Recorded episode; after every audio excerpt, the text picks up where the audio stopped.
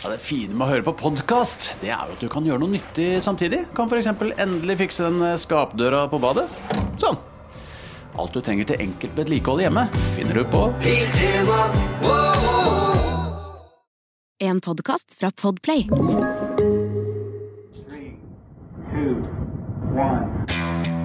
When liftoff. One, two, three, four, five, five, four, three, two, one.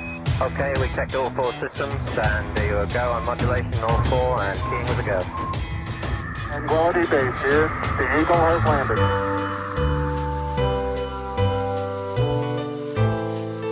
God jul, kjære romkapsellytter. Nå er det Det er nesten at vi skal kjøre litt sånn kvelden før kvelden-stemning her, eh, Eirik. Føler du at lukta av liksom ja, Det er kanskje litt tidlig med ribbe, at den begynner å bre seg, eller, eller du er jo sånn brite, så det er noe kalkun og noe sånn plum pudding og noe sånt greier. Helt riktig. Er currently um, kommende brexit-offer og kalkunmenneske, kan man vel definere meg som, men ja.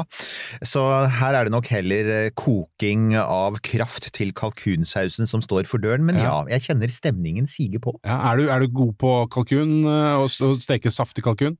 Her er saken, jeg har jo en blogg, en privat blogg, og jeg pleier, altså den har vært litt passiv i noen år, jeg legger ut et innlegg av og til, men et innlegg som jeg la ut for, nå er det vel ti år siden, som alltid får en spike på disse tider, det er faktisk uh, Eiriks kalkuntips. Så det går an å, det går faktisk an å se hvordan jeg lager kalkunen min, og jeg står for den.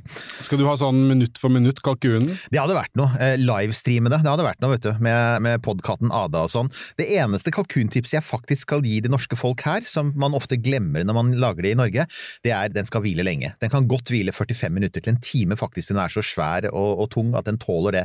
Varmekapasitet. Det handler om fysikk, nemlig, og det skal vel faktisk nesten handle om fysikk i dag? Det Skal skal, det jo, det skal jo det også. Eh, god jul, Sunniva Rose. God jul! Og du, ulastelig antrukket som alltid med julegenser. Med julegenser. Selvfølgelig. Oh, ja, søren, altså jeg må jo bare innrømme at i dag så glemte jeg å ta på meg Hva, hva står det på din? Ho, ho, ho. Jeg tok den. Jeg hadde tok den. også en som det står Team Rudolf på, men, men Og den du har flere, selvfølgelig. Ja, Ja. det, det har jeg. Og, og jeg passer jo på at de selvfølgelig, når, når vi pakker ned julen, når julen er over, så, så fordeler man ting som skal til advent, adventsstake, eh, adventsstjerne og sånn, og alle jule, juleklær, de går ned der i advents, så at de kommer opp helt i altså slutten av november, starten av desember, så man kan Ja. bruke dem gjennom hele adventstiden. Ja, for man gjør det. Du, du er ikke sånn eh, som bare har julegenser på i romjula? Nei, altså veldig, for meg så er det veldig strengt at jul er jul og advent er advent, men jeg Mm. mener at julegensere eh, hører til i adventstiden også. Okay. Eh, fordi i, eh, i romjulen, da er det mer for meg Enten så er man veldig pyntet fordi man skal et eller annet, eller så er det liksom helt sånn slakt og deilig pyjamas-type ting. Så nå blir det pyjamas i en uke.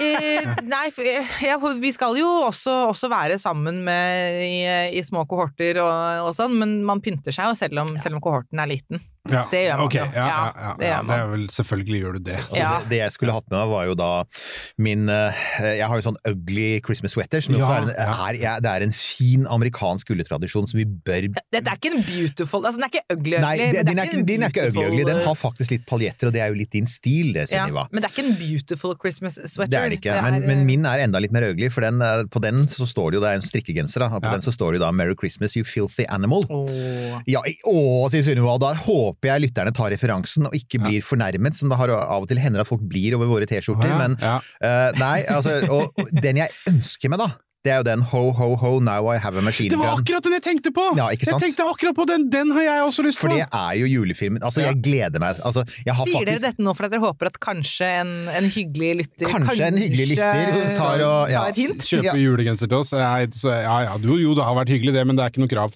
Nei. Men men eh, uansett. bare sånn for å uh, vi, Det eh, julen står for døren, og tanken er jo da at uh, denne sånn bonus, skal vi kalle det det, Det det bonusepisoden eh, her, Eirik, skal være med og, og lage litt sånn eh, romjulstemning.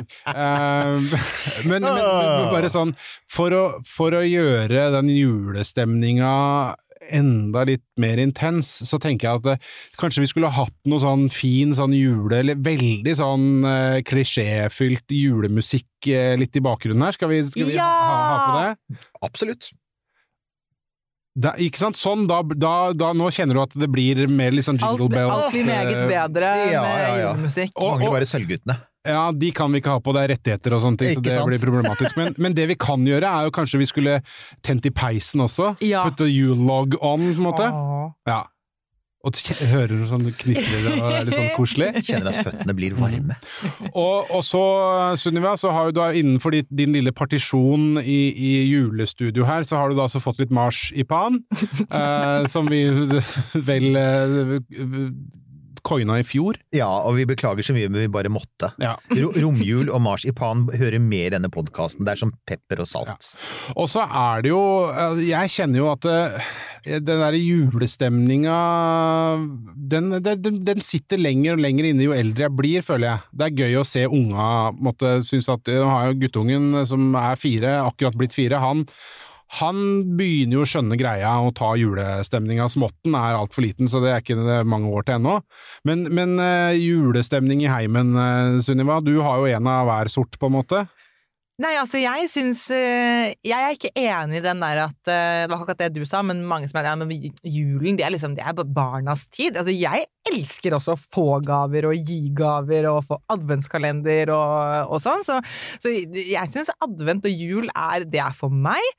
Og så er det også for, eh, for barn. Så Kom. julen er for alle. Ja, Kommer du til å på et eller annet tidspunkt bikke over til sånn Cowboy-Laila-nivå, hvor det er jul hele året? Nei, definitivt Nei. ikke. Jeg er veldig streng på altså, Noen vil kanskje ikke ta frem julegenseren før da, når de tar frem juleesken, så jeg har den i advent, men jeg er veldig streng på at uh, vi pynter ikke til jul før rett før jul. og jeg er oppvokst med at egentlig lille julaften at man skal, altså på kvelden, egentlig, men så plutselig så blir det sånn at man jo flytter eh, og, og får familie, og så er man kanskje ikke hjemme hos seg selv en gang på lille julaften, så nå er det liksom 22. desember som er blitt jeg, jeg kan Jeg kunne nok potensielt ha strukket det til 21. desember, men Ja. der går grensen, altså. Det, Juletreet? Juletreet Ja, ja. og liksom ja, julepynten, så, så det kommer opp da eh, adventsstake, adventsstjerne, eh, gardiner Å oh, ja, du er der ja! Du har egne gardiner. Jeg har røde gardiner, røde fløyelsgardiner, men ett år så ble de hengende oppe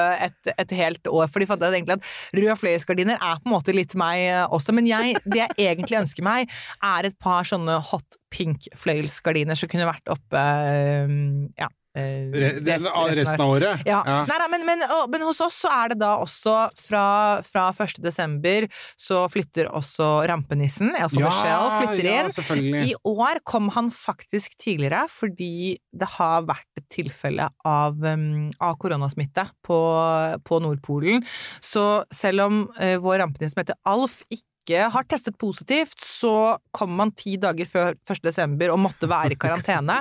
Og da satt han med munnbind, og det var liksom sånn biohazard-skilt og nedtelling, og det så ut som han begynte å kjede seg ganske mye. Og da han endelig kom ut på 1. desember, fordi da var karantenen akkurat over, da var alle de lappene var revet i stykker, eh, og, og lå en haug utenfor karantenestedet. Hvem betalte for karantenehotellet hans? Måtte han gjøre det sjøl? Eh, nei, det var det faktisk vi som måtte så han, altså, han er jo en rampenisse, og han bare kommer, og vi, det er vi som bare må håndtere at han er, er sånn som han er. Eh, han kom 1. desember, så satt han plutselig utenfor der og, og hadde en diger sprøyte som han skjøt seg selv i låret med. Men det sto covid-vaksine på den, og det oh, ja. så også veldig ut som smartis. Oh, ja. Uh, men ja, det er Tidlig ute med vaksine og han. Altså, du har- avslører jo her at du har en sånn nissegreie. Jeg skal ikke si at det er et nissefetisj, men eh, nå kommer vi jo til altså, Det er jo en annen grunn til at vi har invitert deg her, og det er at du, du er en representant for det som er egentlig en ganske stolt juletradisjon. Mm.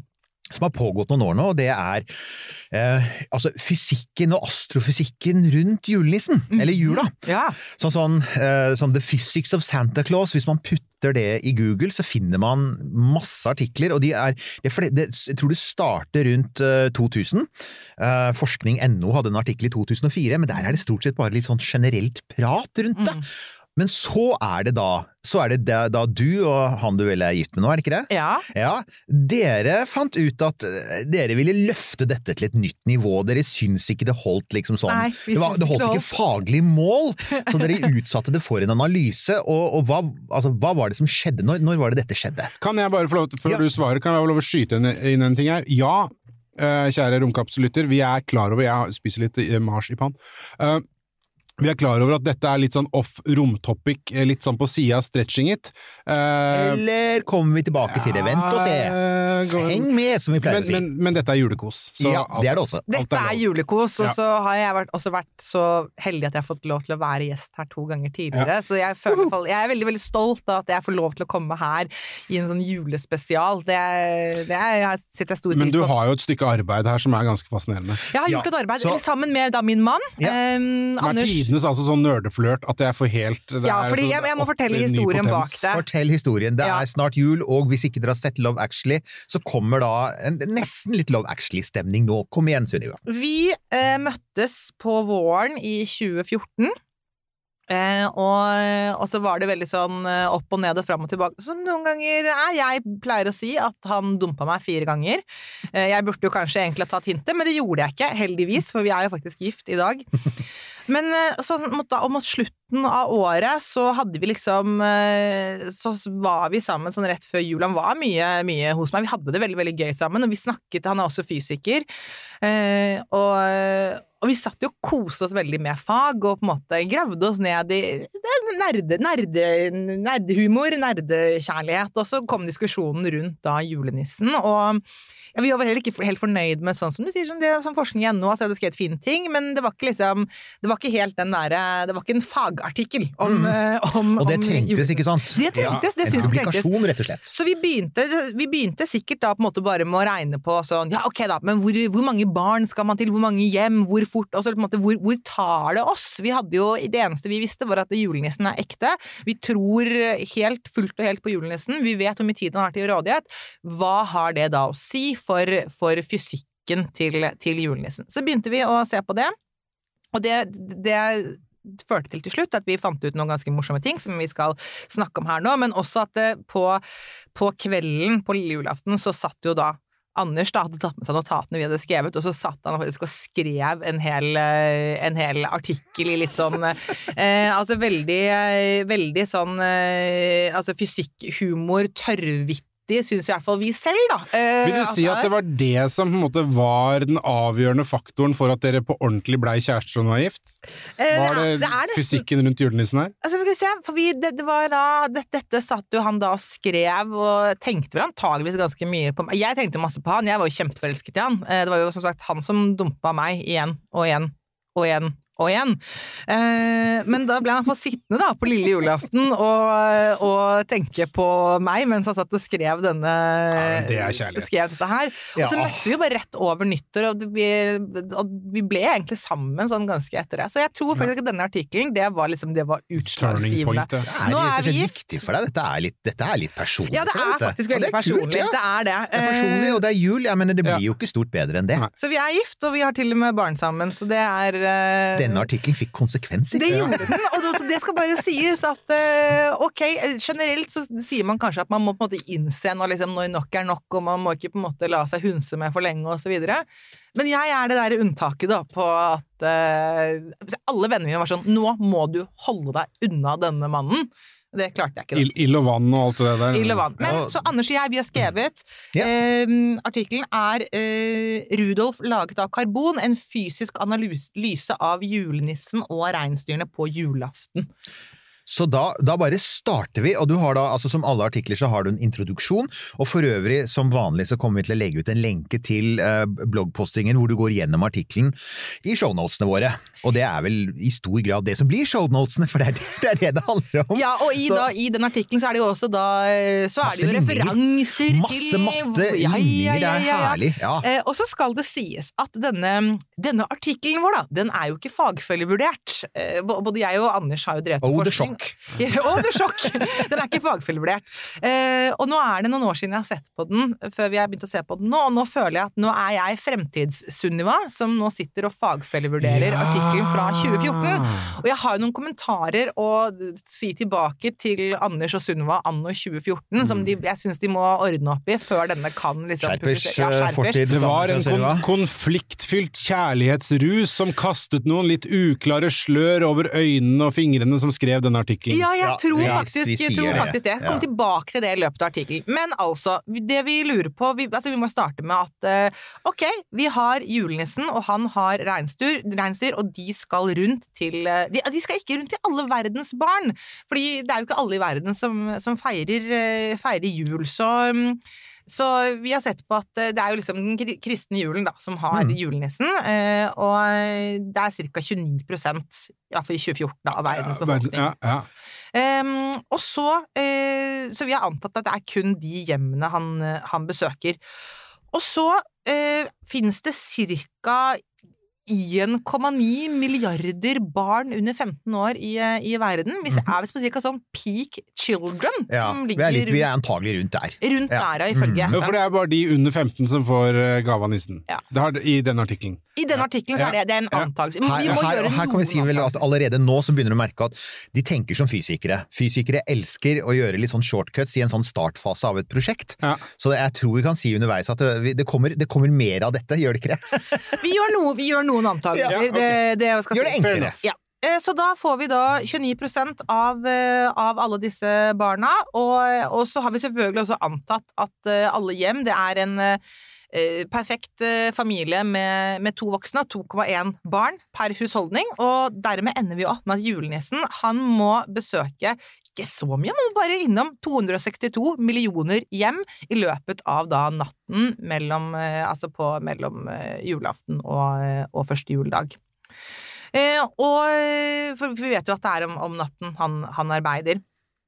Så dermed er det litt begrenset tid til, til rådighet, og Mm. det er jo liksom her, vi, her det begynner å etter hvert ta litt, ta litt av. Så vi har da tenkt at natten den varer fra klokken 11 på kvelden til klokken 6 på morgenen. Det er syv timer. Men heldigvis så snurrer jorden rundt og har tidssoner, og dermed får han faktisk 31 timer som han kan bruke på å reise rundt. Så nå, eh, ja, Da, da kommer sånn, sånn fagfell, hvis, hvis vi også kan være med på fagfellevurdering, så er det jo en veldig stor Veldig mange av de tidssonene de faller jo faktisk i Stillehavet. Mm. Hvor julenissen har lite arbeid, så vi kan vel si igjen så er dette et gjennomsnitt, ikke sant? Så det, er- det er ikke veldig hard kritikk av artikkelen din, men, men fokus vil jo da være befolkningstunge kristne stater Ja. i det rike nord, kan Ja. vi si det sånn? Ja, og det er jeg helt enig med deg i, og det vil jeg, den kommentaren skal jeg ta med meg tilbake. Ta den tilbake til Anders og si at uh, det, det, det er godtatt, men under tvil. Jeg tar denne til Rosa Hafrager anno 2014, Ja. og det er absolutt noe de må, må ja, ta til seg. Og Revidere. Men kan jeg også få lov til å skyte inn en ting her? For, det du sa, for, å, for å legge premisset for ti, tidsrommet her, mm. så tok du utgangspunkt i natta mellom julaften og første,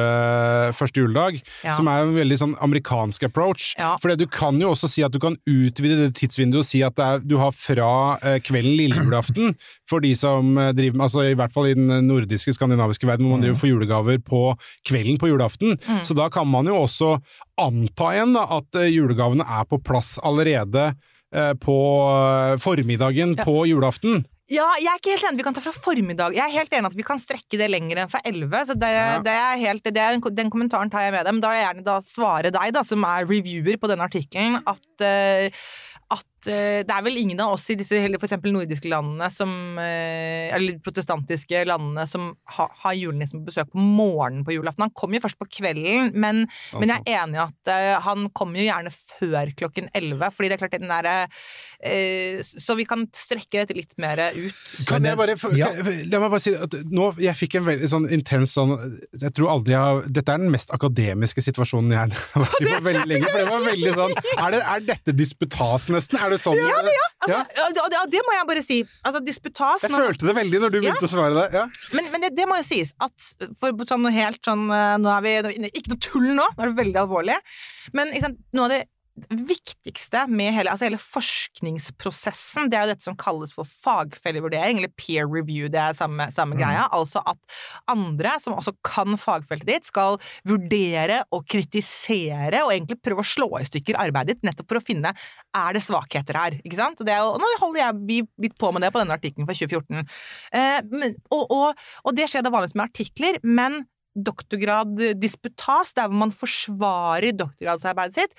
Jeg pleier å si at det er litt som en sånn fagfe live fagfellevurdering, for det er nettopp det, og der var du en slags opponent som kom og sa Ja, noe. sånn. Arbeid, Opponent. Nils Johan, Og det er så jeg sier, vet du hva, det, det har du veldig rett i, men jeg er ikke helt enig, så jeg vil ta til meg rett, og da har vi en, fag, Ja. en veldig faglig diskusjon. jeg jeg Og, og jeg tenkte at vi trodde folk altså, Det er mulig det, det, vi, altså, Dette er ikke lureri, folkens. Vi kaller det et påskeegg. I, jul, I jula. Altså, Dere trodde dere kom til en julesending. Dette her er egentlig en innføring i vitenskapelig metode, er det ikke det? Ta dem inn i Men fordi dere, dere er romkapsellyttere, så dette, dette tåler dere så bra. Dessuten, eh, vi har jo bare startet Dette er jo bare det kjedelige stuffet. Dette er liksom befolkning og bosetning sånn. Boring! Vi Ja. kommer jo til Ja. the juicy stuff snart. Ja. Så, ja, altså. Ja, nå vi- veit vi det. Det er etablert. Han skal så, så, besøke her er ting som kan diskuteres, men videre i det, det arbeidet som skal presenteres her nå, så holder vi oss til at han har 31 timer til en- rådighet. Ja, bare en liten sånn, apropos en liten forenkling her. Det fins jo faktisk to juler. Det fins den som er sentrert på 24.-25., og så er det den ortodokse julen, eller, og koptiske julen, altså de kristne som følger den julianske kalenderen, som ikke har med jul å gjøre, men Julius Cæsar. Så det, vi, det, er jo, det er i seg selv en ting. Jul har ikke noe med Julius Cæsar å gjøre. Men altså, den julianske kalenderen som de følger religiøst, da, ikke vanligvis i, i sånn næringsliv og business ellers, den den er så forskjøvet i forhold til den vanlige, til liksom i forhold til der hvor sola står på himmelen, at de nå faktisk feirer julaften på um, jula si den 7. januar. Å, det er min bursdag!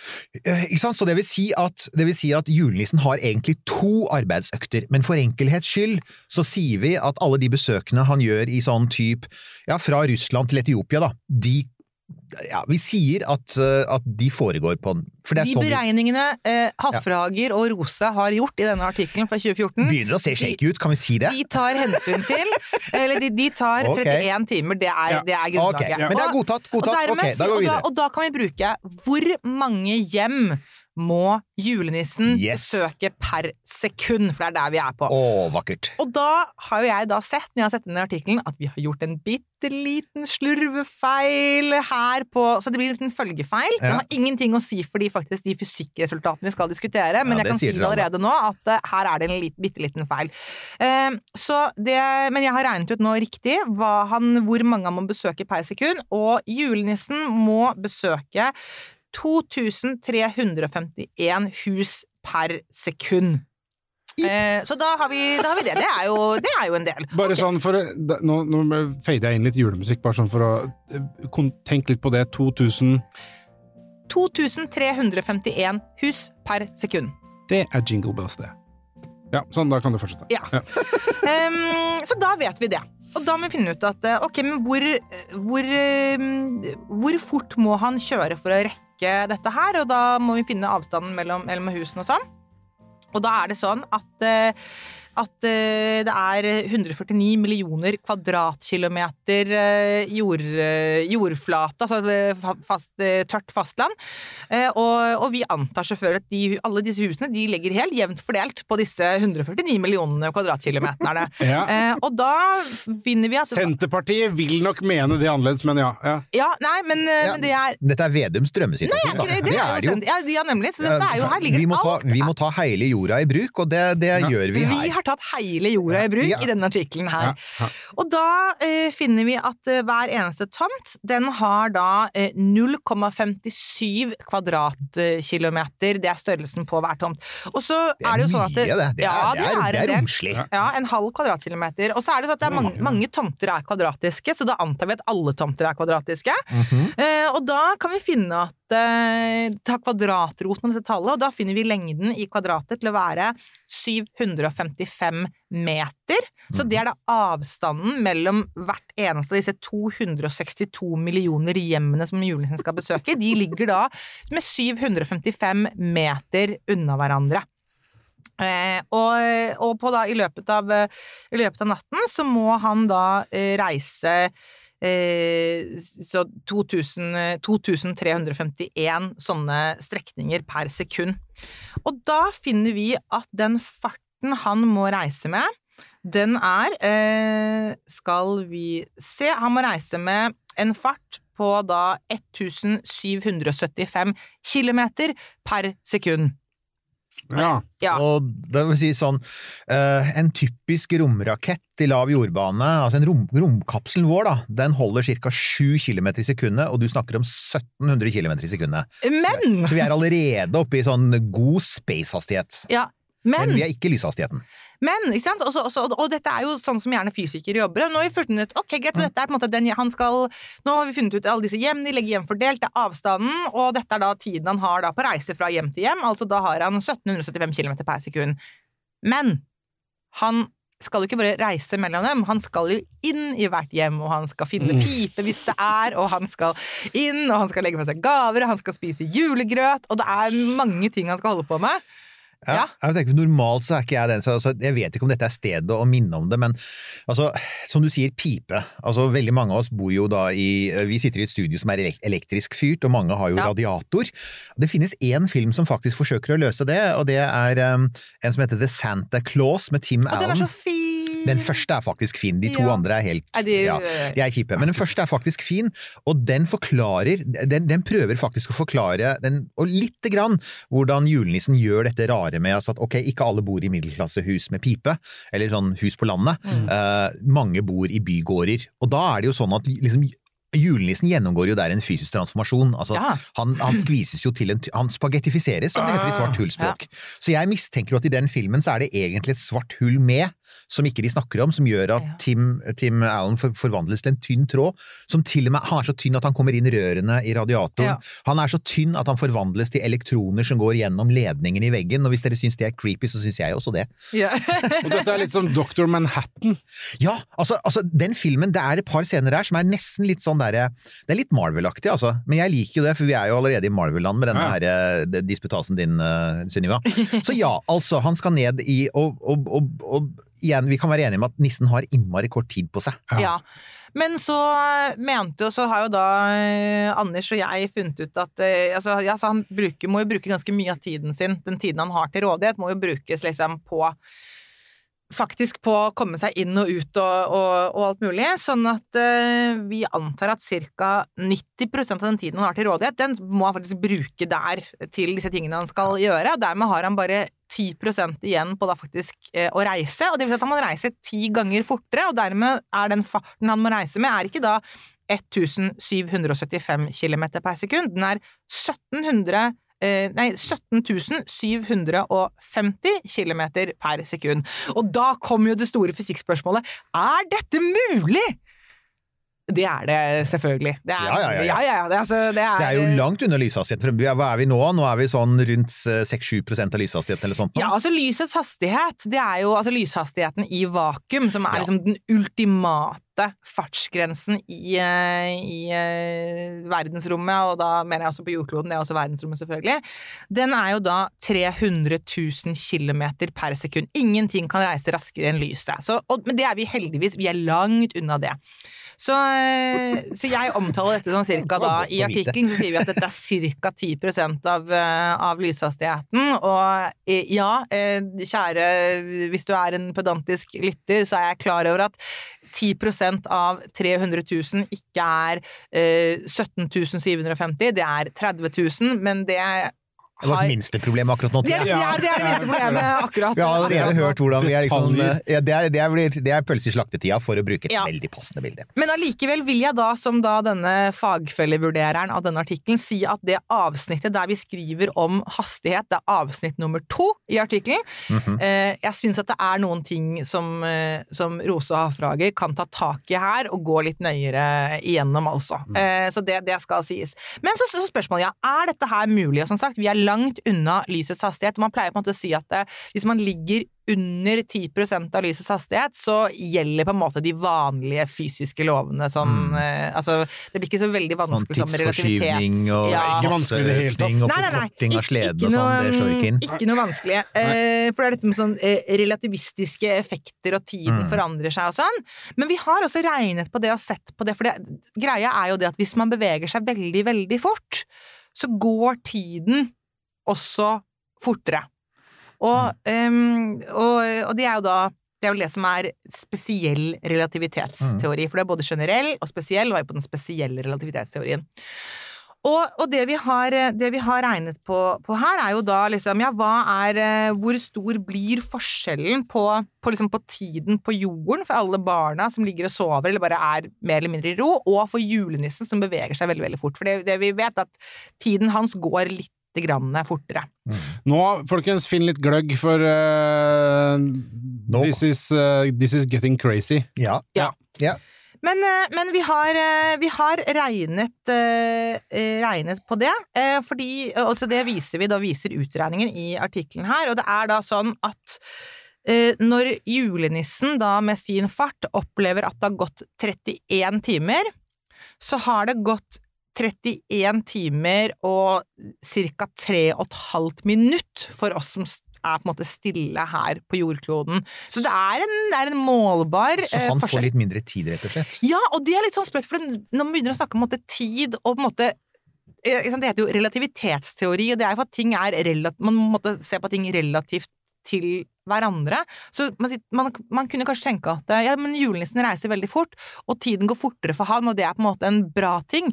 Men det er faktisk en dårlig ting. Her er det ikke det som du sier, for at han skal jo Og det jeg da tenker, er at da vil det heller ikke hjelpe julenissen å fly Altså, å fly enda fortere. Vil ikke hjelpe han. For jo fortere han flyr, jo nærmere han kommer lyshastigheten på 300 000 km i timen, som vi ofte bare liker å kalle for C. Så hvis han er liksom sånn på 99,9 av C, han pusher det så hardt han kan, da har han bare noen Da har han Altså, når, han, når det har gått tre minutter for han, så er de 31 timene gått, de. Ja, så, så det blir han, veldig vanskelig. Så Så det- heldigvis, da. så heldigvis så, så slipper vi unna det. Dere har funnet et lite fysisk smutthull her. Jeg vil her. ikke kalle det et smutthull engang. jeg. Vi, altså, ikke, det, vi trenger ikke smutthull her, fordi vi tror på dette her. Og det vi har funnet ut, er at dette her gir helt mening, fordi akkurat de 3,5 minuttene, det, det klarer vi å forholde oss Ja. til. Men det er en målbar, det er en målbar forskjell, da. 1202. Selvfølgelig det at eh, tiden da eh, går litt fortere for han. uh, altså, han har i løpet av de 31 timene, så er han uh, ikke blitt fullt, fullt 31 timer eldre, så det er jo den samme effekten som du ser med astronauter som da flyr Mm. til fjerne stjerner. Med høy hastighet, hvis det noensinne skjer, så vil jo de eldes langsommere enn folk som er igjen på jorda. Så en av grunnene, så kanskje det er noe av forklaringen på at julenissen fortsatt ser så ålreit ut etter alle disse årene, det er at han tross alt stadig vekk befinner seg i en situasjon hvor han liksom sånn Han eldes litt langsommere enn oss. Stadig vekk. Og Selv om han åpenbart er eh, veldig overvektig, så Ja, det kommer vi til nå. godt. Nå kommer Ja. vi faktisk Ja. til, nå kommer vi til um, kostholdsdelen av denne disputasen. jeg, jeg skal også faktisk også bare lese opp to setninger fra artikkelen, Ja. eh, vår her, som sier at ja, han taper altså ikke mer enn 3,5 minutter. Og vi regner med at han er kjent med Einsteins relativitetsteori og gjør de nødvendige endringer for å ta hensyn til dette. Det syns jeg er en helt grei antakelse å, å gjøre. Kan man kanskje si at her, altså, barn, dette her med har dere vært snille i år, skjønner dere nå hvor viktig det er? For at hvis ikke, så kommer dere til å havne i den der potten av hvor dere blir eh, vekkregna på grunn av relativitetsteori, rett og slett. Ja, Dere forsvinner, dere forsvinner i det. Det er dumt. Ja. Så, Så vi, vi må altså Masse og vekt er vi kommet til. Masse og vekt, ja, for det er viktig. Man skal jo ha med seg gaver til, eh, til alle, disse, alle disse barna. Og i tillegg så har vi også tenkt på det at ja, og i, eh, i Norge så er det jo mange som setter ut grøt til nissen, og jeg tenker at alle gjør det. Men det som er litt veldig, altså veldig kjekt eh, her, er jo at eh, for hvert hjem han kommer til, så gir han, legger han igjen en gave, og så spiser han grøt. Og en porsjon med grøt, det er ca. 200 gram. Ja. Og så fant vi ut at alle barn har vært såpass snille i, eh, i 2014 at alle får en eh, Da var det iPhone 6, Ja. og den veier ca. 200 gram. Og når vi, jeg syns vi kan anta at eh, Nå er det ikke iPhone 6 lenger, Men men de har er slanka telefonene sine, har de ikke det? Altså, det Nei, er- men de har blitt større, vet du. Ja, ja, det er 200 gram. De, de men, går opp men, i opp. men vi er innafor igjen, det er sånn Ja. Vi er innafor fysikkland her, så vi kan godta det, tenker jeg. Så, så det som er veldig veldig kjekt, da, er at så, så det starter da med at han selvfølgelig Han må jo da ha med seg vekten til Altså gaven til alle disse 262 millionene. Og det er da 200 gram, og da ender, eh, ender han opp med at eh, sleden da eh, veier ca. 52 400 tonn. Men det er bare nyttelast. Ja, men er ikke ikke egenvekta på, på sleden. den kan vi se bort ifra. Okay. Ja, men det er igjen, vi er i den, den, er, den er liten i sammenligning her. Men så vil kanskje den observante lytter si men hei, det var jo mer enn ett barn i, eh, per, per hjem. Nå tok jeg 262 ganget med 200 gram. Ja. Hva, hva skjedde med at det var 2,1 barn i hvert, uh, i hvert Ja, hjem? hva skjedde med det, Sunniva? Ja, nei. eh, Gavekort. Eh, nei, jeg halvparten er snille. Det er bare de snille barna oh, ja, okay. som får, uh, som får uh, ja. Ja, der kom den, ja. Altså, så her, dette er jo også en sosiologisk studie. ja. Det er en ganske deprimerende betraktning over tilstanden i samfunnet, da, må jeg si at 50% av barna er Ja. så ille at ikke de får en iPhone. Og, og, det, og, det, og det er, her skal det sies at jeg, jeg, i da denne artikkelen som, som dere legger ut, så ligger det faktisk også en liten eh, Det ligger en referanse på Vi sier det er omtrent ett snilt barn i hver familie, og så er det da referanse nummer fem, og den kan man klikke på. Det som da er trist, er at um, denne artikkelen og, og, og denne referansen her, den lå opprinnelig ute på eh, Anders sitt hjemmeområde på Universitetet i Oslo.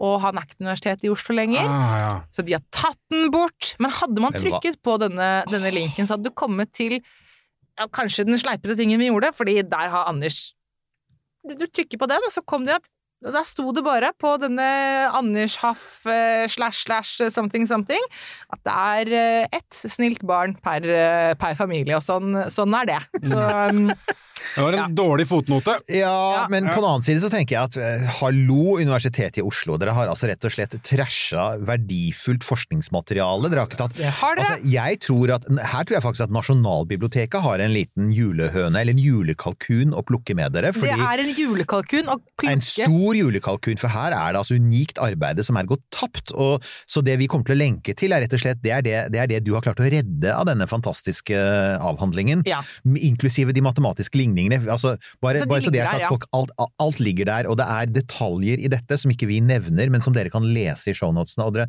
setter dere, hvis dere setter dere i gang å gjøre, når dere har hørt på dette i dag, så er jeg helt sikker på at dere kommer til å gå glipp av kvelden før kvelden og ribbetipset. At dere kommer til å svi ribba i morgen fordi dere har blitt så fascinert av. Ja. Kjenn julestemningen bare flomme inn nå i Ja. ligningsform. Ja. Og så kan man kanskje si Men hei!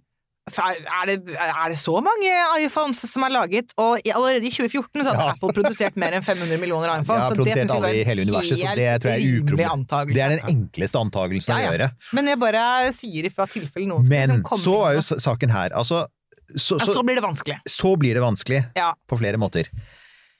Ja. Å ja, Eh, nå blir det vanskelig. ja. Nå kommer det vanskelige delen. Okay. Ja. Ehm, nei, altså Det er jo reinsdyrene som gjør, gjør jobben, uh, og, og vi har jo ikke Ingen av oss, tror jeg, har observert flyvende reinsdyr før. Selv om i den forskning.no-saken som du snakket om innledningsvis, så Vi kan kan det også lenke til den. så Det er fra det et 2004. bilde eh, som jeg, tror er, som jeg tror det er NASA som egentlig har tatt det, av noe som Det kan se litt det er som som, Hei, hei, hei, hei, hei! Vi skal ikke inn på den ufo-debatten her nå. Nei, nei. Eh, nei. Nei, det Nei. Da går julestemninga i Nei, men vi, vi tror ikke det er ufoer. Eh, men eh, men altså, det finnes jo veldig mange ukjente dyrearter, så at det også finnes da eh, Altså, det finnes uoppdagede flyvende reinsdyr, det syns vi heller ikke er en problematisk antakelse. Nei, nettopp. Og siden det er Dette her er jo superreinsdyr. Vanlige reinsdyr kan trekke kanskje 150 kilo eller noe sånt. Da blir det vanskelig. Men, men vi antar at flyvende reinsdyr de kan trekke et tonn Det er som en maur. Eh, De kan trekke et tonn, og dermed trenger julenissen altså, Så det som er tull da, i den opprinnelige historien om, om Rudolf og reinsdyrene til, til julenissen, det er at det er åtte reinsdyr eller noe sånt. Det I USA har de jo til og med navn. Ja, det, det, det er bare tøys. Han trenger 52 000 reinsdyr. For øvrig, jeg bare si apropos det, for at siden vi tross alt er her, uh, Jingle All The Way, Arnold Schwarzeneggers junefilm, er, for meg er det en, en, også en, en solid favoritt. Uh, ingenting er bedre enn å se liksom Muskelberget klaske ned nisser, for det gjør han blant annet i den filmen, og der har han en gjennomgang av alle disse amerikanske reinsdyrenes navn i en fantastisk scene som jeg gjør filmen verdt å se år etter år etter år. Sorry, jeg måtte bare si det. Så de åtte reinsdyrene har jo navn, og dere kan høre Arnold Schwarzenegger eh, bjeffe det fram på uforlignelig østerriksk-amerikansk. Ja, nemlig. Yes! Ja, så Men du sier 52 000. vi sier at de trenger 52 000 reinsdyr. Og så, og så antar vi selvfølgelig at disse er da i en optimal formasjon, da. I, Selvfølgelig. Altså Ja, åpenbart. ja. Det, det spennet er det, så det spannet, reinsdyrspannet der, det er det kustus på. Det er det kustus. 52 000 reinsdyr. Ja, så, og sånn sett, da, vi, jeg tror fremdeles at det er Rudolf som, som leder an, og, men det gjør det veldig mye mer imponerende av Rudolf som eh, Altså, han er en Han må være en alfa, alfahann av en annen verden. Han som, kan holde motivasjonskurs, altså, helt klart. Rudolf kan holde motivasjonskurs. altså, Rudolf får 52 000 reinsdyr til å jobbe optimalt Ja, på, Jeg, jeg på tenker at i, i, i, i covid-året 2020, som var så dårlig for alle motivasjonstalere av åpenbare grunner, så tenker jeg at Rudolf er den som har greid seg. Han, han, han fikk støtte fra kulturministeren, han sa Eirik Bittert. Jeg kan også slenge meg på den bitre Den litt bitre her. To, to bitre frilansere ja. på lille julaften. Det var det dere ba om, folkens. Mm. Det Yes. det? Ja. Nei, så, så har vi da regnet på Ta litt gløgg. Ja, eh, Litt gløgg. Gløgg er eh, ma marsipan, ja. Ja. Eh, Så, så spørsmålet er, så vi får da um, luftmotstand, og eh, ligningen ligger ute her på hvordan man regner på det. Man må ha det selvfølgelig se på massetettheten til luften, farten til reinsdyrene og det som kalles for en luftmotstandskoeffisient, og, um, og det arealet, da, som eh, Eller tverrsnittet av alle reinsdyrene som de dekker. Og da må jeg bare si at den, den ligningen her, som, som jeg ikke skal gå gjennom, men som ligger, Ligger ute her, Ja. det er også da den som gjelder for eksempel også det samme luftmotstanden som du får når du kjører bilen din, eller, eller hva, hva nå enn. Og da, det, det man kan kose seg med da, er jo da å se på hvis du tenker at bilen din har da kanskje et veisnitt på si to kvadratmeter eller et eller annet sånt noe, og da kan du se hvordan For jo fortere du går, så blir luftmotstanden plutselig veldig, veldig mye, mye større, og det ser man jo spesielt godt når man kjører for eksempel en type elbil som gir deg eh, live eh, hvor mye energi du faktisk bruker til enhver tid, så er det jo- ser du jo det. Det er forskjell på om du kjører i 100 eller 110 km i timen, for eksempel. Ja, det, her er det jo liksom helt lissepasset egentlig å nevne det ene elbilmerket som er veldig flink til å levere data til brukerne sine, som en fyr som tilfeldigvis også bygger romraketter. Å, du tenker på han, ja! Jeg tenker på han, han har vært Ja. Det er så en grunn mye. til at, at vi har akkurat en, en sånn, type, sånn type elbil. Det er, det er en fysikerbil. Altså, for å si det sånn, det er, en, det er en bil hvor du kan se at energiforbruket øker på kalde dager fordi at luften blir kaldere og tettere. Eller at det regner! Du ser at du bruker mer energi når det regner, og du får grafer, og det er bare Ja. Hvis dere Det er jo aldri har- veldig lite trafikksikkert da, med all den informasjonen. Ja, men, altså, men hvis, du ikke har, hørt- hvis dere ikke har hørt om begrepet nerdgasm før, så kan jeg si at datastrømmen i en sånn bil som ikke vi behøver reklamere for, for alle vet Dessuten så blir mange så sinte på den elbilen, så vi nevner den ikke, men datastrømmen det er en sånn nerdgasm. Det er, det er mange som koser seg med den i disse dager.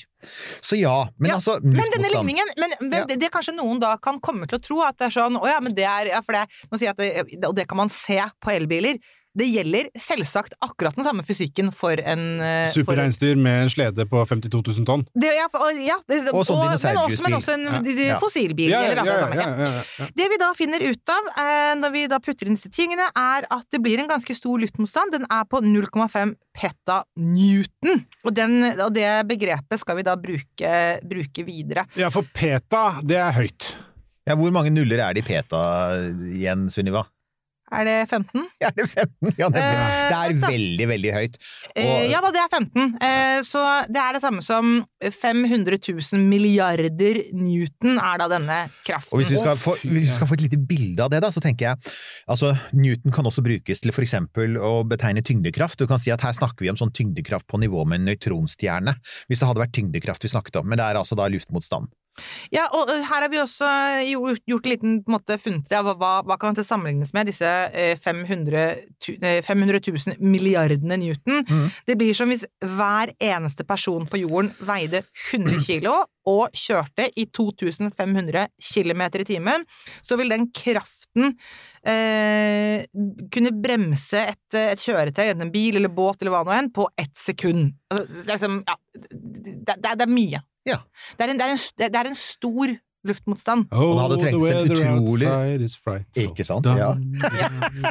Og da kan vi gå Ja. videre til hva kreves da av energi, og hva blir temperaturen osv. For spørsmålet er som For det, det som skjer da når, eh, med, altså med luftmotstand, er jo da at eh, reinsdyrene, eller bilen eller mannen, beveger seg bortover og må dytte Det er fremdeles på luften reinsdyr. Til, eh, til Ja. siden. Ja da, jeg bare sier, men det gjelder de samme tingene for en bil. Altså, man må dytte måtte hele tiden eh, dytte vekk, eh, vekk luft. Og, eh, og, da finner vi at um, når vi da putter inn i ligningen for, for energi, og det kan man da gjøre, gjøre her, her, selv, det er ikke vanskelig, vanskelig, ligning i det hele tatt, så finner vi at Per, per sekund så trenger da reinsdyrene ca. 1 ganger 10 i 22. jul. Det vil da si det er et ett-tall, så er det 22 nuller bak det ett-tallet. Eh, og ja. det det er mye. Kjære, kjære alle sammen, det er mye. Hva kan vi sammenligne det med? Jo, ja. det er omtrent like mye energi som Som du trenger for å få sprø svor på ribba. Nei. Eller som alle menneskene på jorden bruker i løpet av 17 år med 2014-forbruk. Per sekund. Per sekund. Så det er 17, ja. det er 17 jordårsforbruk per sekund. Så det er ganske mye energi, da. Ja. Ja.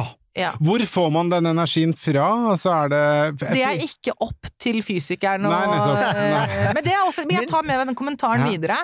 Men, men Ja, for at her var det en ting, Jeg så disse tallene. Jeg leste jo denne artikkelen med stor interesse og glede. Og så så jeg disse tallene og så tenkte jeg at det minner faktisk det er noe kjent med Det noe 10. 22. jul!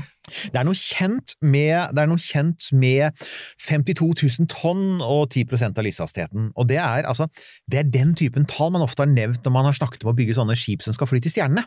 Ja. Altså 52 000 tonn er stort nok til å bygge et sånt generasjonsskip, en, en kjempesvær roterende romstasjon, hvor folk kan leve i hundrevis av år, og 10% av lyshastigheten er liksom sånn, det er hvert fall, du, du, du må minst ha det for at det er verdt å gjøre det. Da kommer du til Alfa Centauri på 40 år, for eksempel, ikke sant? Så, så det bare slo meg, så, så hvis man liksom vil ha si, ok, hva er hvordan er det fysikere tenker? Det Sunniva her egentlig har gjort, er at hun har fortalt oss at jo da, det går an å bygge et romskip, det er fysisk mulig, å bygge et romskip som kan fly til Alfa Centauri på en tidspunkt som ikke, altså på en tid som ikke er helt sprø. Men himmel og hav for en energi! Hva var det, 17 års altså, ikke sant? Ja, ja. Det er der vi er. altså. Det er liksom mange ganger jordas totale energiforbruk på ett eneste relativt lite romskip for å få det til nærmeste stjerne. Per sekund. Ja, ikke sant? Og det er sånn, ok, get it. Altså, det er, det, det er mulig kanskje å bygge en altså, fusjonsrakett som kan bruke samme type energiproduksjon som i sola for å gjøre det, men himmel og hav, altså å, å, å få samla så mye energi og brent den av innenfor riktig tid, eh, det er, altså, det er fysisk mulig, men spørsmålet er om det noensinne er praktisk mulig. er jo Det veldig mange, det er derfor mange sier at jo, jo, det er en fin tanke med liksom flyt i stjernene, men og det er fysisk mulig, men praktisk mulig, det blir det neppe rett og slett på grunn av de vanvittige energimengdene som ja, du her har. absurd. Nå skal det da sies at selvfølgelig, dette her er jo da tatt um, uh, Ja, den energien, den er vel uh, Nei, når du kommer da ut i, uh, i selvfølgelig og ikke har den lufttettheten Ja. som er For den, dette er jo da med utgangspunkt i Vanlig atmosfære. Ja, det som er Ja, her ja da, nede. Så Nei, nei, men, altså, men, det, men det er mye ja. energi uansett. Det er mye skal energi. opp i Altså, de poenget er at når du, når, du har store, når du har store masser og enormt høye hastigheter, Mm. så blir det sinnssykt store energimengder, er egentlig poenget. Ja. Så ja. Mm, Og, ja. og dette har jo da noe å si for temperaturen. som Ja, for Ja, det har jeg sittet lenge og tenkt på For her. at dere har jo en konklusjon, og den har den med temperaturen å gjøre. Ja, den har med temperatur Ja. å gjøre.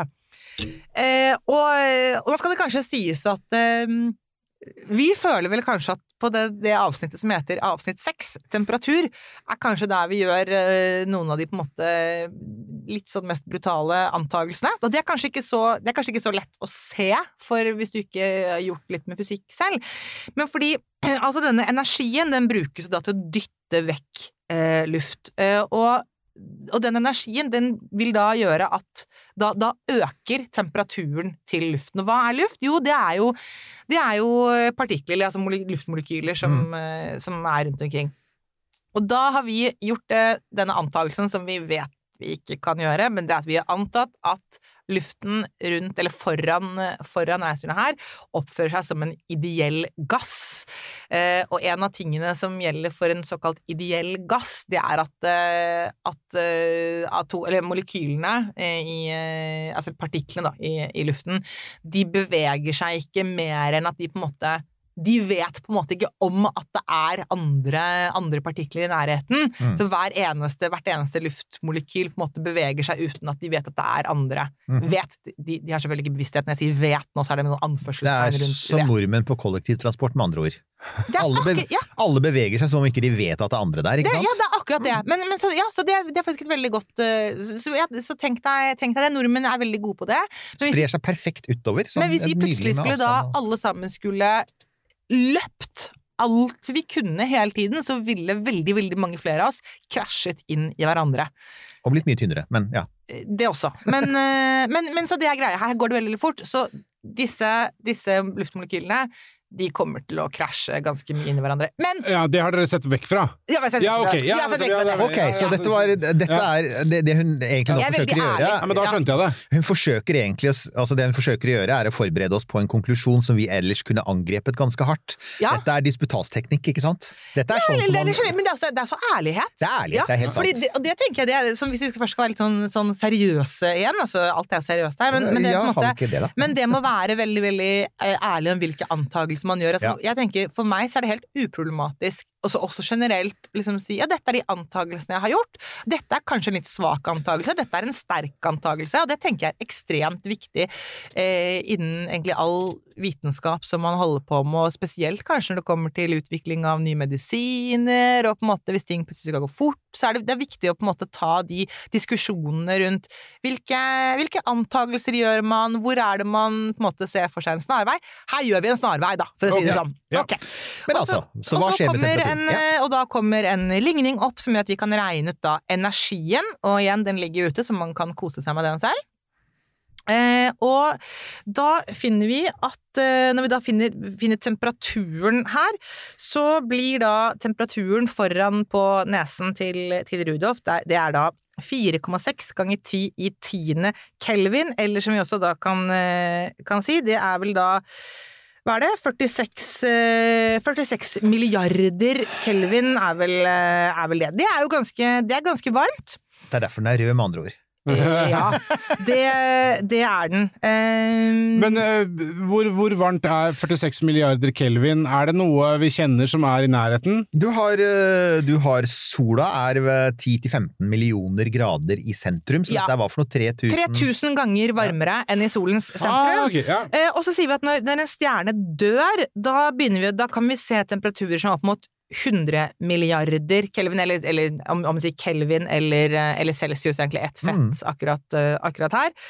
Eh, så, men den, den, den temperaturen som er foran på nesen til Rudolf, den, eh, den er sammenlignbar med det vi ser i en supernova, altså de største eksplosjonene som finnes i verdensrommet. Så det er varmt. ja. Og så kommer dere, av det trekker dere en ganske dramatisk konklusjon. Ja!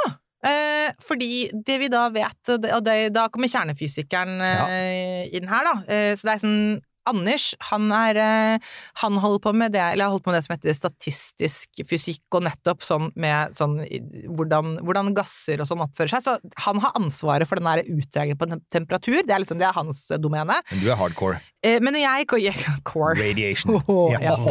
Eh, så da sier jeg mm, her er det høye temperaturer, Ja. eh, og det vi da vet er at karbon det begynner å fusjonere, altså smelte, karbonkjerner begynner å smelte Mm. sammen allerede ved ca. 500 millioner Kelvin. Her er vi på 40 milliarder eh, Kelvin. Ja. Sånn at eh, Rudolf kan ikke være karbonbasert liv. Sånn som det vi alle, alt vi her på jordkloden, mennesker, dyr, trær, det er jo basert på grunnstoffet karbon, ikke sant? Med andre ord, det er utenomjordisk liv. Du har faktisk bevist at julenissen og Rudolf er aliens. Det er det du har gjort.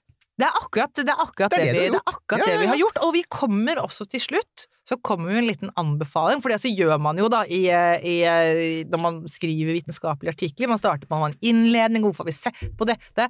Og så til slutt så er det sånn, ja, hva Diskusjonen, hva, hva, hva bør det videre arbeidet her være? ja, hva bør det videre arbeidet her være, Sunniva Rose? Ja, så, så det vi er sier ganske- at uh, ved slike temperaturer, altså 46 milliarder kelvin, uh, vil kjernefysiske reaksjoner skje, og vi konkluderer med at Rudolf ikke er laget av karbon eller andre kjente grunnstoffer for den saks skyld, for alle ting vil fusjonere, all, alt som vi kjenner til vil fusjonere ved de temperaturene.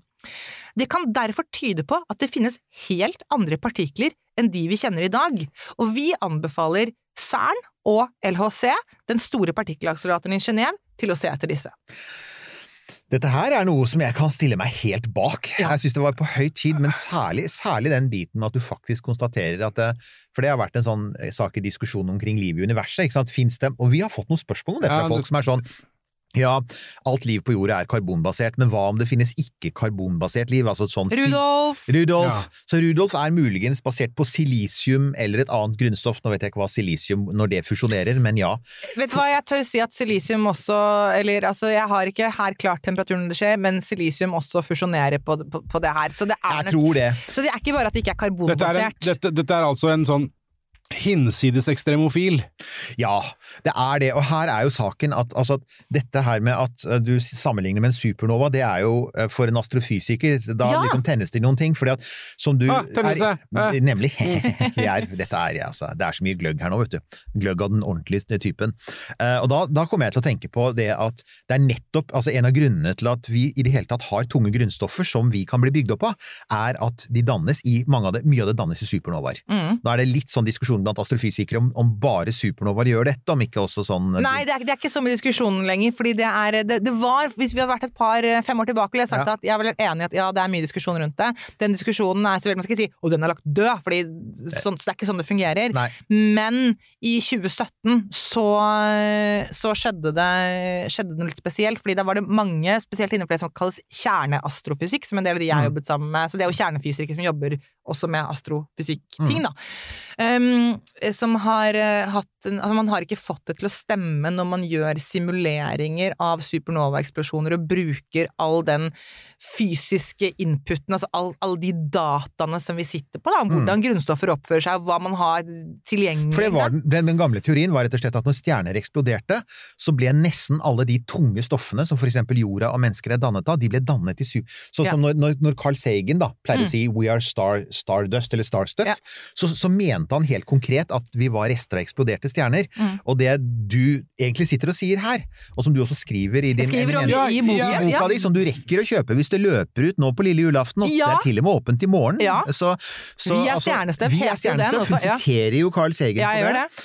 Eh, så, så der er du jo inne på det, at det er ikke så enkelt. Så hva er de andre liksom, hva er det, hva Det er det er kolliderende nøytronstjerner, så det er Og det er like bare fett! Ja, ja, ja! Altså, så- så- så- men så sitatet til Carl Stegen er fremdeles sant. Det er jo Vi stjerner, det var litt annen type stjerner. Ja, så det er fordi eh, Hvordan er det Jeg skal ikke gå dypt inn i dette her nå, men, men nøytronstjerner, det er jo hvis du har hatt du Først så har du en levende, stor stjerne, større enn vår egen sol, men en diger stjerne. Den holder på, lever sitt liv, og så til slutt da, så, så går den mot, mot døden. Den, den utvider seg, den kollapser, den eksploderer som en supernova, og så får du en rest etter supernovaen igjen, som er da en nøytronstjerne. Og det jeg syns er veldig morsomt med en nøytronstjerne, for det er da en klump som kun består av nøytroner. Mm.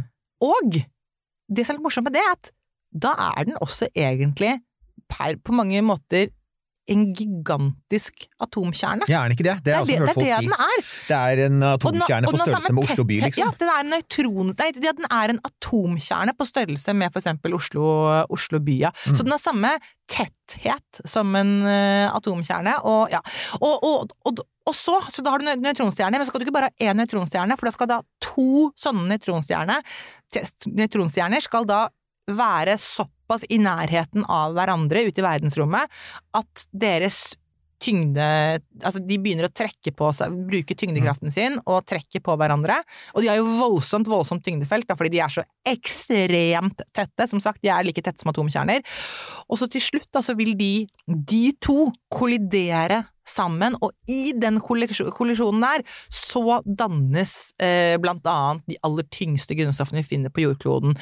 Og fram til 2017 så var det en, en teori som mange mente at ja, men det virker for usannsynlig, for du skal ikke bare ha en stor stjerne som blir til en supernova, som blir til en nøytronstjerne, men du skal ha to, ja. og de skal være i nærheten av hverandre. Kan det på en måte, ja kanskje, det kan sikkert ha skjedd, men kan det være nok til å på en måte gi oss alle de grunnstoffene som vi har? Men- vi Og, og vi har jo aldri observert det heller, så liksom er det i det hele tatt mulig? Og så har man jo sine forskjellige måter å se ut på verdensrommet, og så litt tilfeldig så traff man da akkurat og så ut på Eh, ikke med et vanlig teleskop, men man allikevel rettet da, la oss kalle det teleskopet, da, eh, mot akkurat der man faktisk ser to nøytronstjerner kollidere, og man ser at det blir dannet akkurat det vi eh, Sånn som vi på en måte forventer at det skal være. Eh, Sonja, gå hjem. Jakten på julestjernen, Ja. hvis vi skal liksom, gjøre litt sånn julestemning her nå. eh, jakten på julestjernen kan bare gå hjem og vogge, for dette her eh, Ja, det er jo vakkert, syns jeg, da. Ja, og bare si, Men vi er stjernestøv, Vi altså. er det, og Ja. bare for å si, sette sånn i perspektiv altså Når du sier at nøytronstjerner er tette Det man ofte sier, da, en sånn vanlig sier en teskje med materiale Vi er jo sånn, dere, dere har sikkert holdt mye teskjeer i det siste Dere har bakt pepperkaker eller andre kaker Og dere har liksom bakepulver, kanskje, eller krydder En teskje med nøytronstjernemateriale Pleier å sies å veie like mye som en supertanker Altså en båt på 500 000 tonn Mm. det, er der, det er der vi er Så, så det, er, det, er ganske, det er ganske massive saker Det er jo en ting til ved den temperaturen som jeg synes var litt kul Og det er at eh, 10 milliarder grader Kelvin eller Celsius, det er det samme her. Ja, her har ikke det noe å Men Med så høye temperaturer så betyr ikke det blir samme, samme temperatur. Um, det er faktisk temperaturen i universet eh, ett et sekund etter The Big Bang. ti, ti, Unnskyld, ti milliarder er det? 10 Er milliarder det- grader er temperaturen i Ja, universet. vi er på og og jeg da sier 40, 43 milliarder, så er det, for, Ja. det, er igjen, det er det samme. Ikke sant? Så det, ja, nemlig. Vi er sånn Ja, ja, fysikere, astrofysikere. ja. 10 milliarder, 43 milliarder, hei hei. Uansett, det som er litt, litt kult med det, er at nå har hun altså både Hun har både bevist at julenissen og Rudolf er aliens. Hun har bevist at de helt klart er laget av antagelig av nøytronstjernemateriale, eller sånt noe. Og vi har bevist at det er ikke noe problem for dem å reise i den Nei, nei, hastigheten. nei, nei. Nei, og selvfølgelig, vi har laget en slags sånn nærmest en direkte kobling mellom julenissen og det store smellet, og det får en jo til å tenke at kanskje disse barna som nærmest ser på julenissen nesten litt som Gud, Gud selv. Jeg, jeg begynner å lure Ja, på det var det. I frykt, I frykt nå for å være, bli for sånn blasfemisk eh, på, på jule, juletida. Jeg tenker at det er helt innafor. Det er greit. Men det altså, er, er vi, vi er vi på litt sånn Thomas Aquinas-nivå her, Ja. og, og gudebeviset og, og Jeg begynner å lure på det. Ja. Jeg, tror, jeg tror egentlig det er det dere har gjort. Så jeg er, hvis vi, liksom, hvis vi nå da, vi som da er eh, opponenter her, da, skal vurdere denne Jeg har også har for meg selv også siden. en gang til, for det er en ting også som jeg som da 2020, altså Fremtids-Sunniva, har lyst til å også nå peer-reviewe tilbake på 2014-Sunniva og Anders og si at jeg syns de burde Jeg syns at, eh, at eh, forfatterne burde skrive Altså de må gå gjennom og få bare få rettet opp i småfeil og, og ting som de burde ta litt nøyere. For det er én ting vi også hopper bukk over eh, i, eh, i avsnittet om hastighet. Jaha. For én ting er hvor fort de må reise, og det ser vi at det er ikke noe problem. Eh, det, det går helt fint der. Mm. Men de skal ikke bare reise med hastigheten, de skal også akselerere Ja. opp og ned. Ja, Ja. der skjer det ting. Og da skjer det noe med For jeg sa at den spesielle relativitetsteorien, den bruker vi, og så ser vi at det, det blir ikke noe sånn problem. Altså de tre og et halvt minuttene forskjell på de som står i ro og den som reiser fort, det, det går helt fint. Men da begynner det å være ting med generell relativitetsteori som Spørsmålet er om julenissen og Rudolf og alle de 52 000 reinsdyrene vil kollapse til sorte hull. Jeg så, Jeg tror ikke de vil det! Jeg Men- tror ikke de vil det! Men, altså. Igjen, for å komme tilbake Ja. til The Santa Claus med Tim Allen. Han, denne effekten som kalles for spagettifisering rundt svarte hull. Ja! Kommer du nær nok et svart hull, så blir du trukket ut til en tynn tråd fordi at tyngdekraften på beina dine er mye sterkere enn på hodet. Så det er nemlig det. Så jeg mener rett og slett at Jeg mener at Tim Allen er en profet. Han er jo tidligere også arrestert for å ha transportert sånn, eh, nå, eh, nå skjedde det noe. Ja, nå, nå noteres det her. Så jeg, jeg sier eh, Det tror jeg er første gang at uh, ordene Tim Allen har blitt uh, notert spagettifisering. på, Og spagettifisering er nevnt i samme setning. Ja, vi, vi bryter ny grunn. Får jeg for øvrig bare lov til å si en ting her, og det er at gjennom hele, gjennom hele denne rom, rom, podkastens eksistens, så har våre lyttere sagt Eirik Nils Johan, kan dere snakke mer om astronomi? Folkens, from all of us to all of you, nå fikk dere faktisk ganske mye astronomi! og hvis dere likte det, så får dere gi tommelen opp i kommentarfeltet, så kan det hende det kommer mer astronomi. For jeg har skjønt at dere gjerne ville ha det. Og Så- riktig god jul og til dere alle. god jul til dere God alle! jul. Så helt på tampen, må jeg bare si, det fins altså et av, de, et av de få problemene med din eh, Et- ja, ja. Ikke sant? Altså, jeg, har, nå har jeg, aldri vært, jeg har aldri vært opponent, så hva sier man når man når liksom sånn når Jeg har jo vært til stede på, på, av- på sånne avhandlinger og disputaser, men jeg husker jo ikke hva er det, hva, er det vi opponenter sier? Altså, kandidaten har bestått, skal vi si det? Noe sånt noe? Ja, det, det, det er jo sånn at Da går dere ut og så diskuterer dere, og så går man ned og så forteller dere om, eh, om dere syns at her, dette var godt eller igjen, ja. ikke. Mm. Jeg har, jeg har ramla for lenge siden eh, på, på eh, opponentrollen min. Jeg hadde den intense mo det akademiske momentet her veldig tidlig, eh, og så datt jeg litt av. Det er et ganske effektivt teknikk fra Sylvo, for Ja, hun, har, liksom- ja. hun har liksom bare gnagd deg ned. Ja, ja, ja, Du ligger nå ja, ja. knust. Så, så jeg, jeg kan si eh, eh, eh, kandidaten har bestått, Ja. men jeg kan vel så gjerne si at jeg aner ikke hva kandidaten snakker om. Ok, da får jeg sitere en annen eh, kjent uh, popmusikkerier, I'm Still Standing, og vil si at, at og kudos til dere som tok den, det, de gjør nesten alle. Men altså, ja, jeg, jeg, jeg mener helt klart at Rocketman! Rock, Altså, nemlig! Det er, mannen som, det er mannen som har oppsummert prosjektet til Elon Musk på den aller beste måten. Mars ain't the place to raise a kid, in fact it's cold as hell. Det er helt sant! Det er så profetisk. Så øh, jo, hvor, hvor var jeg her? Jo, jeg mener at kandidaten har bestått, og mener i, tillegg at ikke bare at dette med at eh, at eh, det er, bevi det er hermed bevist at julenissen og Rudolf antagelig består av noe annet enn våre materialer, men jeg tror vi har bevist at de er utenomjordiske, så dette er også en del av ufo-debatten. Igjen, kjør debatt i kommentarfeltet om dere har lyst til det, der vi har nå bevist at sleden er en ufo.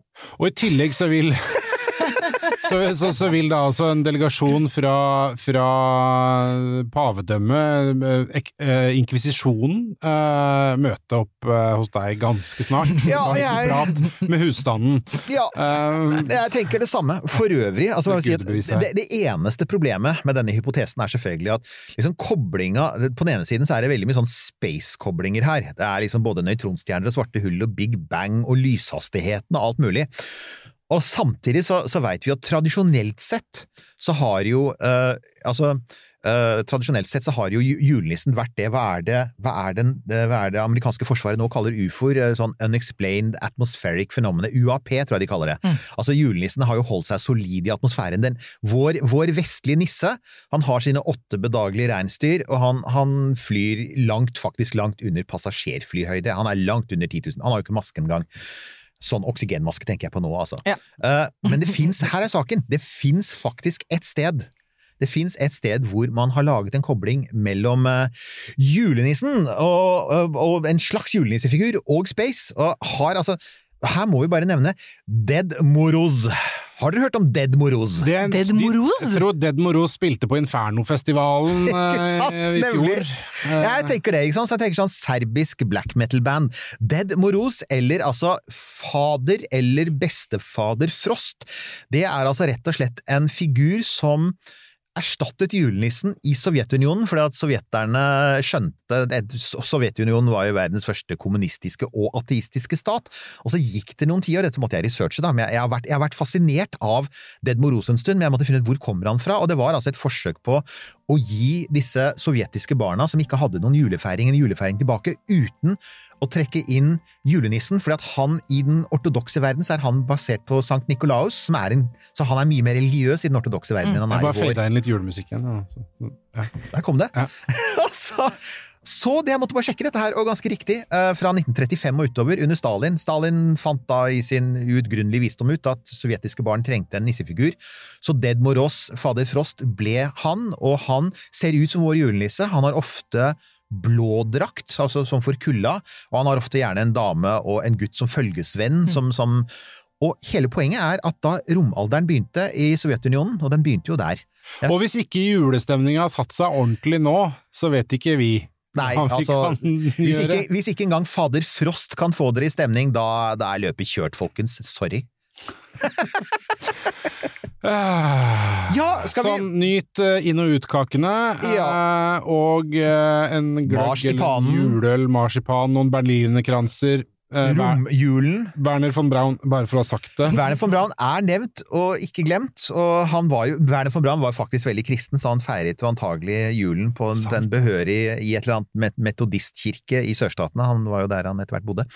Og vi kan, eh, vi kan ikke seile, men vi skal gjette, kan man si gjette? Altså sånn inn i julens eh, fredelige tid nå, eh, med en temperatur på nesetippen som er rundt eh, 46 milliarder kelvin, og en hastighet på 17 000, hva nå det var for noe, eh, meter per Kilometer. Kilometer per, per sekund. ja.